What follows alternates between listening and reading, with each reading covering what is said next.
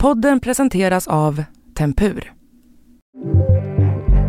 Stocks are struggling to recover from yesterday's beating. Ekonomiekot börjar med de kraftiga svängningarna på börserna just nu. Börskurserna har skjutit i höjden under pandemin, men nu skakar det rejält. Stigande inflation är en av orsakerna, men handlar det också om övervärderade bolag. Stockholmsbörsen öppnar neråt. På en kvart får du veta hur en osäker omvärld påverkar svenska börskurser och om det är ett bra tips att sitta still i båten.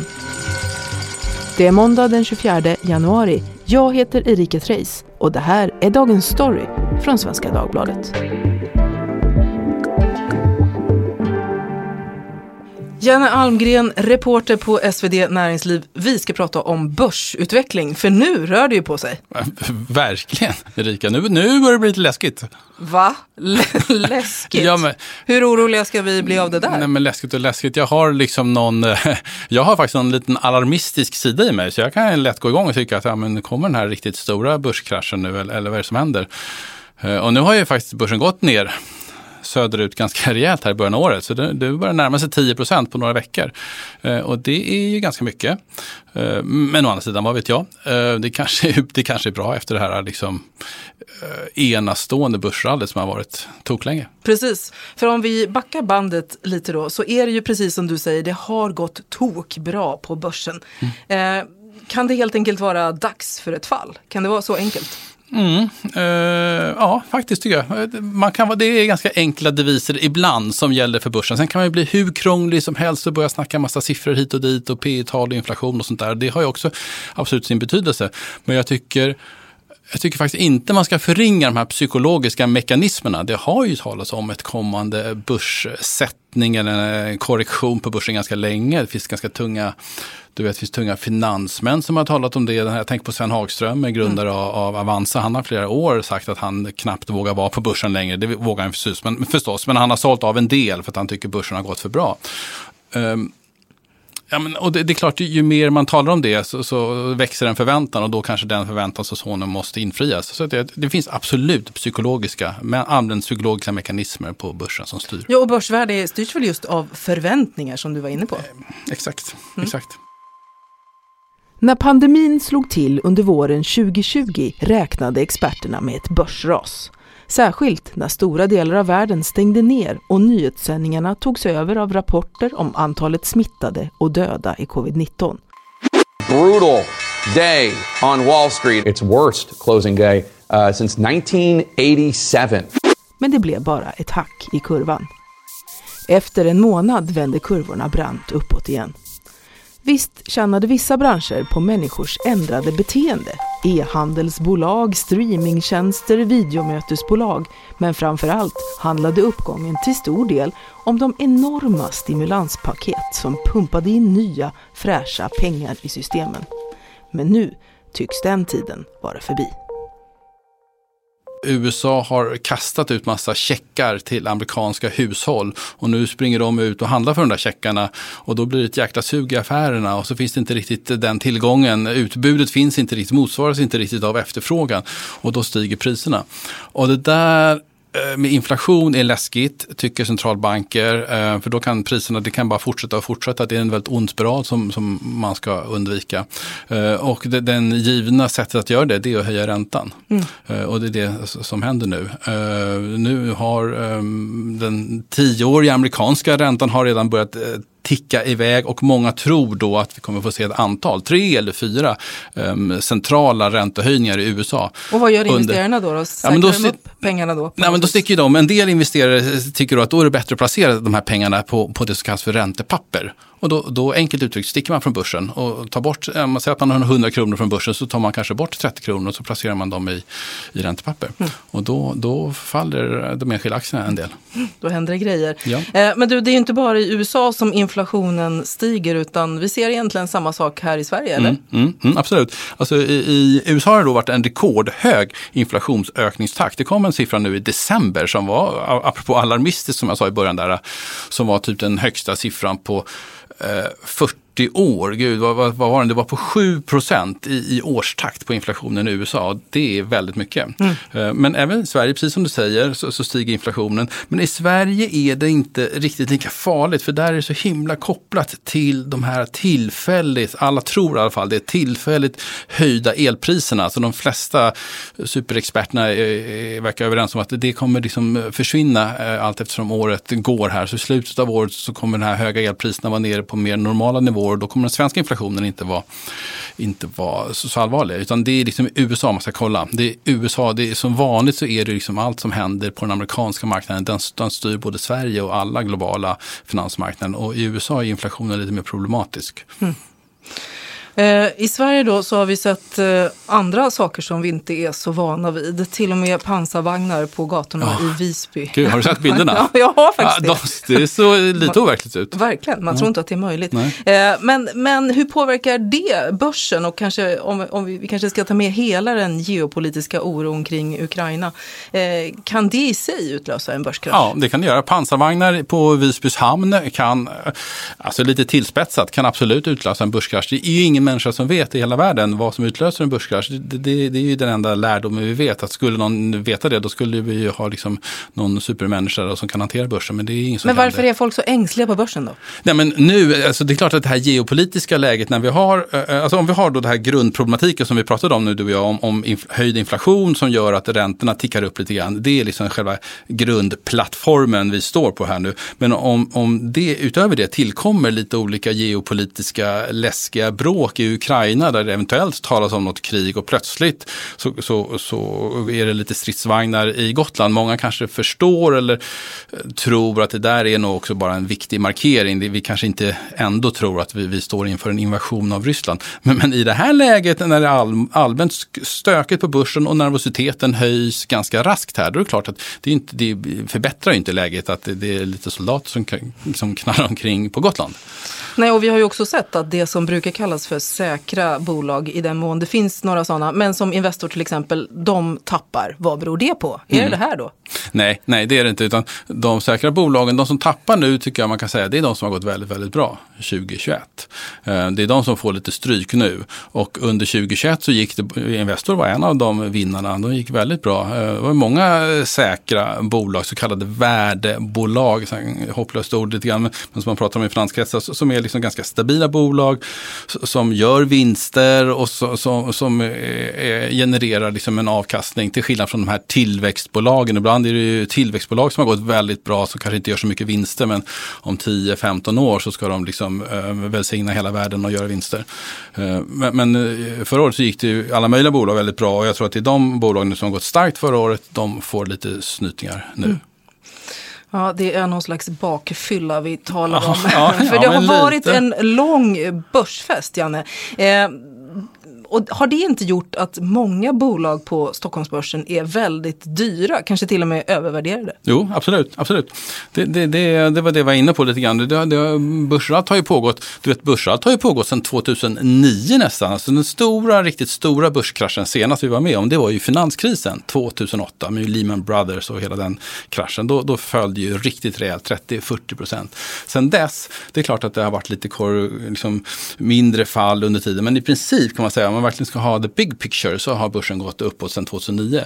Eh, och det är klart att, att vid det laget så har många bolag blivit dyrt. Och då finns det också ett annat sånt här äh, äh, finansord som kallas för PE-tal. Där man, mm. där man mäter ett bolags äh, börskurs dividerat med vinsten. Det är lite krångligt men man får en kvot där i alla fall. Som snitt på Stockholmsbörsen brukar ligga på 14-15 brukar man tala om att Stockholmsbörsen har ett PE-tal. Det är ett krångligt ordvarning mm. för det men det, man brukar säga det. 14-15. Och du vet, nu ligger det här PE-talet kanske i snitt på 20-25 och många enskilda bolag, du vet, de ligger uppe på 50 sådär. Alltså det är extremt dyrt. Du har en liknelse? Nej, nej, men bara en uh, brutalt uh, förenklad uh, bild skulle kunna vara att men, du går till Pressbyrån och köper din chokladkaka för 25 kronor och, och du älskar den här chokladkakan och alla andra älskar den här chokladkakan också. Så den, är så pass, den är så attraktiv så den kostar plötsligt kostar den 30 och 40 kronor. Men nu har vi liksom kanske priset för den här chokladkakan kostat 95. Mm. nu kanske den kostar 95, kanske kostar 105 kronor. många vill fortfarande köpa den men det är klart folk känner ju också att det börjar bli ganska dyrt nu att betala 105 kronor för en chokladkaka. Är det verkligen värt det? Centralbankernas stimulanser har alltså inte bara varit guld för bolagen utan också drivit upp inflationen. Och när inflationen stiger riskerar alltså bolåneräntan att också tryckas upp. Enligt flera ekonomer så finns det nu anledning för alla med bolån att vara extra uppmärksamma. Samtidigt meddelar flera av de stora bolånebankerna i Sverige att både de korta och långa räntorna kommer att fortsätta att vara jämförelsevis låga flera år framöver. Bolån är ju någonting som engagerar många också. Hur bör man tänka där? Nej men där ska man nog tänka att det kan bli en räntehöjning, kanske, kanske faktiskt redan i år. Bara för några, ja men bara fram till för några dagar sedan så var ganska, de, de flesta experterna överens om att en svensk räntehöjning kommer tidigast nästa år, alltså 2023. Och Riksbankens senaste så säga, officiella prognos är att en räntehöjning kommer komma tidigast 2024. Men nu har vi precis de senaste dagarna sett förändringar på marknaden. Dels hur lite grann olika marknadskontrakt handlas men också indikationer från flera banker som talar om att eh, Eh, ja, men man ska inte utesluta att vi kan få se en svensk räntehöjning redan i höst faktiskt, nu i år 2022. Och det, det är lite nya besked. Eh, så det finns väl anledning att ta det i, liksom, i beaktande om man har stora bolån. Sen tror inte jag, eh, och ingen tror på några stora dramatiska räntehöjningar, bolåneräntehöjningar, men, men att det tickar upp lite grann, ja. Eh, Stockholmsbörsen är ju en av de som har gått allra bäst i världen de mm. senaste åren. Finns det en anledning att tro att fallet därför kommer att bli störst här? Mm, ja, ja, liten varning tycker jag det finns skäl att utfärda kanske. Som du säger, det, det har ju gått tokbra Stockholmsbörsen, verkligen liksom bäst i klassen. Så det är klart att eh, efter en sån uppgång så är ju fallhöjden, mm. du är ganska uppe på ganska höga nivåer då. Tänker någon hög trampolin där, så klart det finns en, en viss fallhöjd. Men å, å, andra sidan så finns det liksom inget absolut samband att det måste rasa bara för det. Men, men i Sverige så har ju allt fler, särskilt unga då, skaffat kanske sitt allra första aktiekontot och kastat sig ut på börsen börsen. Eh, vad är ditt råd till dem i nuläget? ja, det är jättesvårt. Eh, ska jag vara lite personlig? Ja, gärna. Ja, jag, jag, tycker ibland kan jag bli lite allergisk mot de här ständiga råden att man ska sitta still i båten. Det säger ju nästan alla experter och naturligtvis så finns det någonting i det som är rätt. Eh, det är liksom att försöka um, parera, um, liksom att hitta hitta, att försöka lämna börsen när det faller och sen så komma in på börsen igen när det stiger. Det är nästan ingen som lyckas med det. Inte ens de, de vassaste experterna, kvinnliga och manliga börsexperterna kan liksom hitta den där perfekta tajmingen att gå in när det, när det går uppåt och sen så lämna när det går ner. Det, det blir bara dömt att misslyckas. Det är många som har försökt? Eller? Ja, det är det många som har försökt också. och det talar ju för den här lite slitna, lite slitna devisen att sitta still i båten. Å andra sidan så tycker jag att men någonstans så ska man naturligtvis sälja. Och många som har varit inne på börsen har tjänat väldigt mycket pengar, såväl liksom svinrika finansmän som vanliga småsparare. Och då talar man ju om att man ska göra liksom någon slags rimlig vinsthemtagning. Det behöver inte betyda att man, man tar ut alla sina pengar och bara rusar därifrån, men man kanske ska fundera på om man ska göra en vinsthemtagning. Om Säkra gör, lite? Ja, om man har tjänat 30, 40 eller 50 procent på två, tre år, då kanske man ska sälja av hälften av det och stanna. Mm. Det, det, det, en bra tanke i alla fall fundera på. Du, jag som person då, du fick vara lite personlig här. Jag brinner ju för hållbarhet på olika sätt. Mm. Eh, om vi tittar på de hållbara investeringarna, är det framtiden? Jag såg just att eh, världens största kapitalförvaltare Blackrock, de skrev att bolag som minskar koldioxidutsläppen, mm. det är liksom framtidens miljardbolag. Mm. Vad tror du? Ja, vad tror du? jag hoppas ja. och jag tänker att ja, du ska lägga lite kunskap har, på det. Så här, kolla Erika, jag har två glasögon, eller ett par glasögon här. Man kan säga så här, sätta på med de här långsiktiga glasögon där man tittar på vad som är bra för planeten och där jag ska investera i tio år. Om man sätter på med de glasögonen, då, då tycker jag absolut man ska eh, och får jag säga det, då tycker jag det låter rimligt att man ska köpa så kallade gröna aktier som är hållbara plockar jag upp ett par andra glasögon där jag är lite mer girig och vill ha lite avkastning här eh, det kommande året, då är jag inte lika säker på att jag ska köpa gröna aktier. De här gröna aktierna, eh, hållbara aktier, de gick tokbra eh, i slutet av 2020 och början av förra året, 2021. Då gick de jättebra, då hade de ett rally. Sen, sen tog det där slut ganska abrupt och resten av 2021 så har inte det varit en höjdare. Eh, så att om man ska vara lite kortsiktig och lite girig, då kan man kanske man ska fundera sådär om det är rätt typ av aktier att köpa nu. Jag vet inte, men, men eh, på lång sikt. Jag förstår din tanke ja. och du vet vilka glasögon jag vill att du ska sätta på dig. men men eh, jag tänker att vi ska också hinna prata om staten. Eh, för den verkar i alla fall inte vara bankrutt. För trots pandemi och kris i vården och en kultursektor som, som går på knäna så visade Riksgälden ett rejält budgetöverskott för 2021 på lyssna nu, 78 miljarder kronor. Det är pengar Hur kan, ja det är det onekligen. Hur kan ladorna vara fulla när behoven är så stora? Um, ja, det är nästan en filosofisk fråga för att behoven är oändliga. Eh, behoven är så stora, det, det finns, eh, behoven är oändliga skulle jag säga. Så det, det, kommer alltid vara så. Oavsett hur mycket eh, pengar vi har i våra eventuella lador så kommer det finnas gigantiska behov. och liksom det här allokering mm. eller hur det här ska fördelas, det, det är en svår fråga. Mm, förstår. Avslutningsvis, Janne, under 2020 så spådde ekonomer också en börskrasch. Men så blev det inte. Kan man lita på experterna den här gången? Ja, det är en jättebra fråga. Och enkel, svaret är jätteenkelt. Nej, det kan man inte göra. Ingen vet någonting. Eh, det är möjligt att en apa är bättre placerare än en jättesmart expert. Så att, ta med er det. Det snackas väldigt mycket om börsen och folk är väldigt kunniga och har matchat rationella skäl fram och tillbaka. Men i syvende och sist så är det ingen som vet någonting. Så det kanske kommer att bli ett lysande år igen på samma mm. sätt som 2021 och 2020 var ett lysande börsår. Vi får se. Tack Janne Almgren för att du har gjort oss lite klokare. Tack Erika. Visste du att det finns fyra enkla knep mot vintertrötthet? 1. Försök ta vara på de få ljustimmar vi har genom att ta en kort promenad på lunchen. 2.